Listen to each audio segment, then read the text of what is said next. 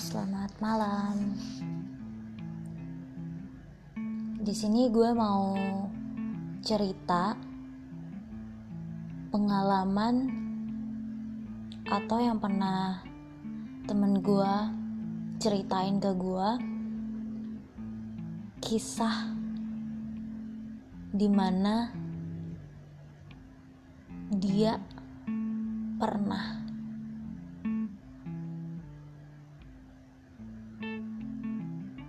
ngalamin yang gak pernah dia pikirkan. Awalnya sih dia mulai uh, ngerasa aneh sih. Pertama dia pernah ngerasain tuh waktu dia beranjak di bangku SMP. Dia cerita ke gua masa di mana dia pernah suka sama cewek.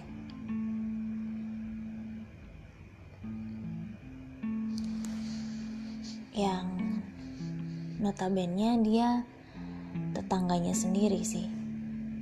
Jadi teman bermainnya dia di waktu kecil waktu SMP dulu selang dia main main main sampai di titik dia nggak bisa kontrol. Dan dia suka sama cewek itu si anak itu. Ya biasa aja lah cuma suka-suka aja menjelang dia beranjak SMA dia pindah kota. Di situ dia sekolah di tempat di mana sekolahnya kebanyakan cewek semua. Di situ mulai dia ngerasa wow di sini gue banyak temen cewek. Gue ngerasa banyak temen di sini yang mana gue suka sama mereka gitu. Ya dibilang masih normal-normal aja sih. Karena memang gak ada hal yang aneh dalam diri dia gitu. Waktu tiga tahun berlalu tiga tahun selang berikutnya dia keluar dari sekolahan lulus dan dia mulai bekerja. Dia punya cowok. Dan lo pasti tahu dah kalau dia udah punya cowok sebelumnya dia suka sama cewek. Berarti dia apa? Lo bisa uh, predik prediksi sendiri. Di situ Okay. beberapa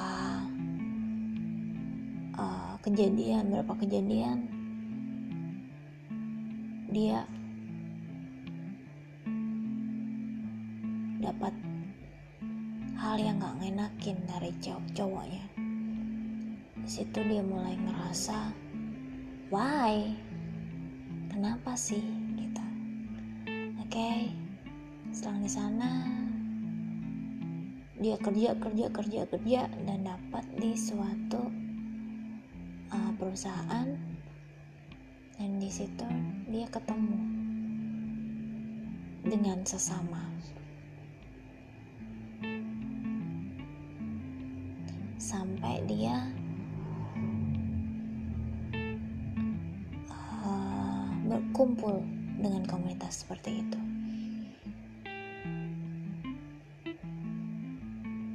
gue nggak bisa habis pikir sih sama dia.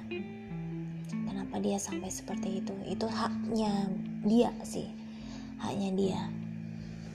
Jadi gue cuma ngelurusin di sini gue cerita gimana pengalamannya dia pahit manisnya dia di mana dia pernah dilecehin sama tetangganya pernah dilecehin sama kakak iparnya hampir sih kedua-duanya itu hampir.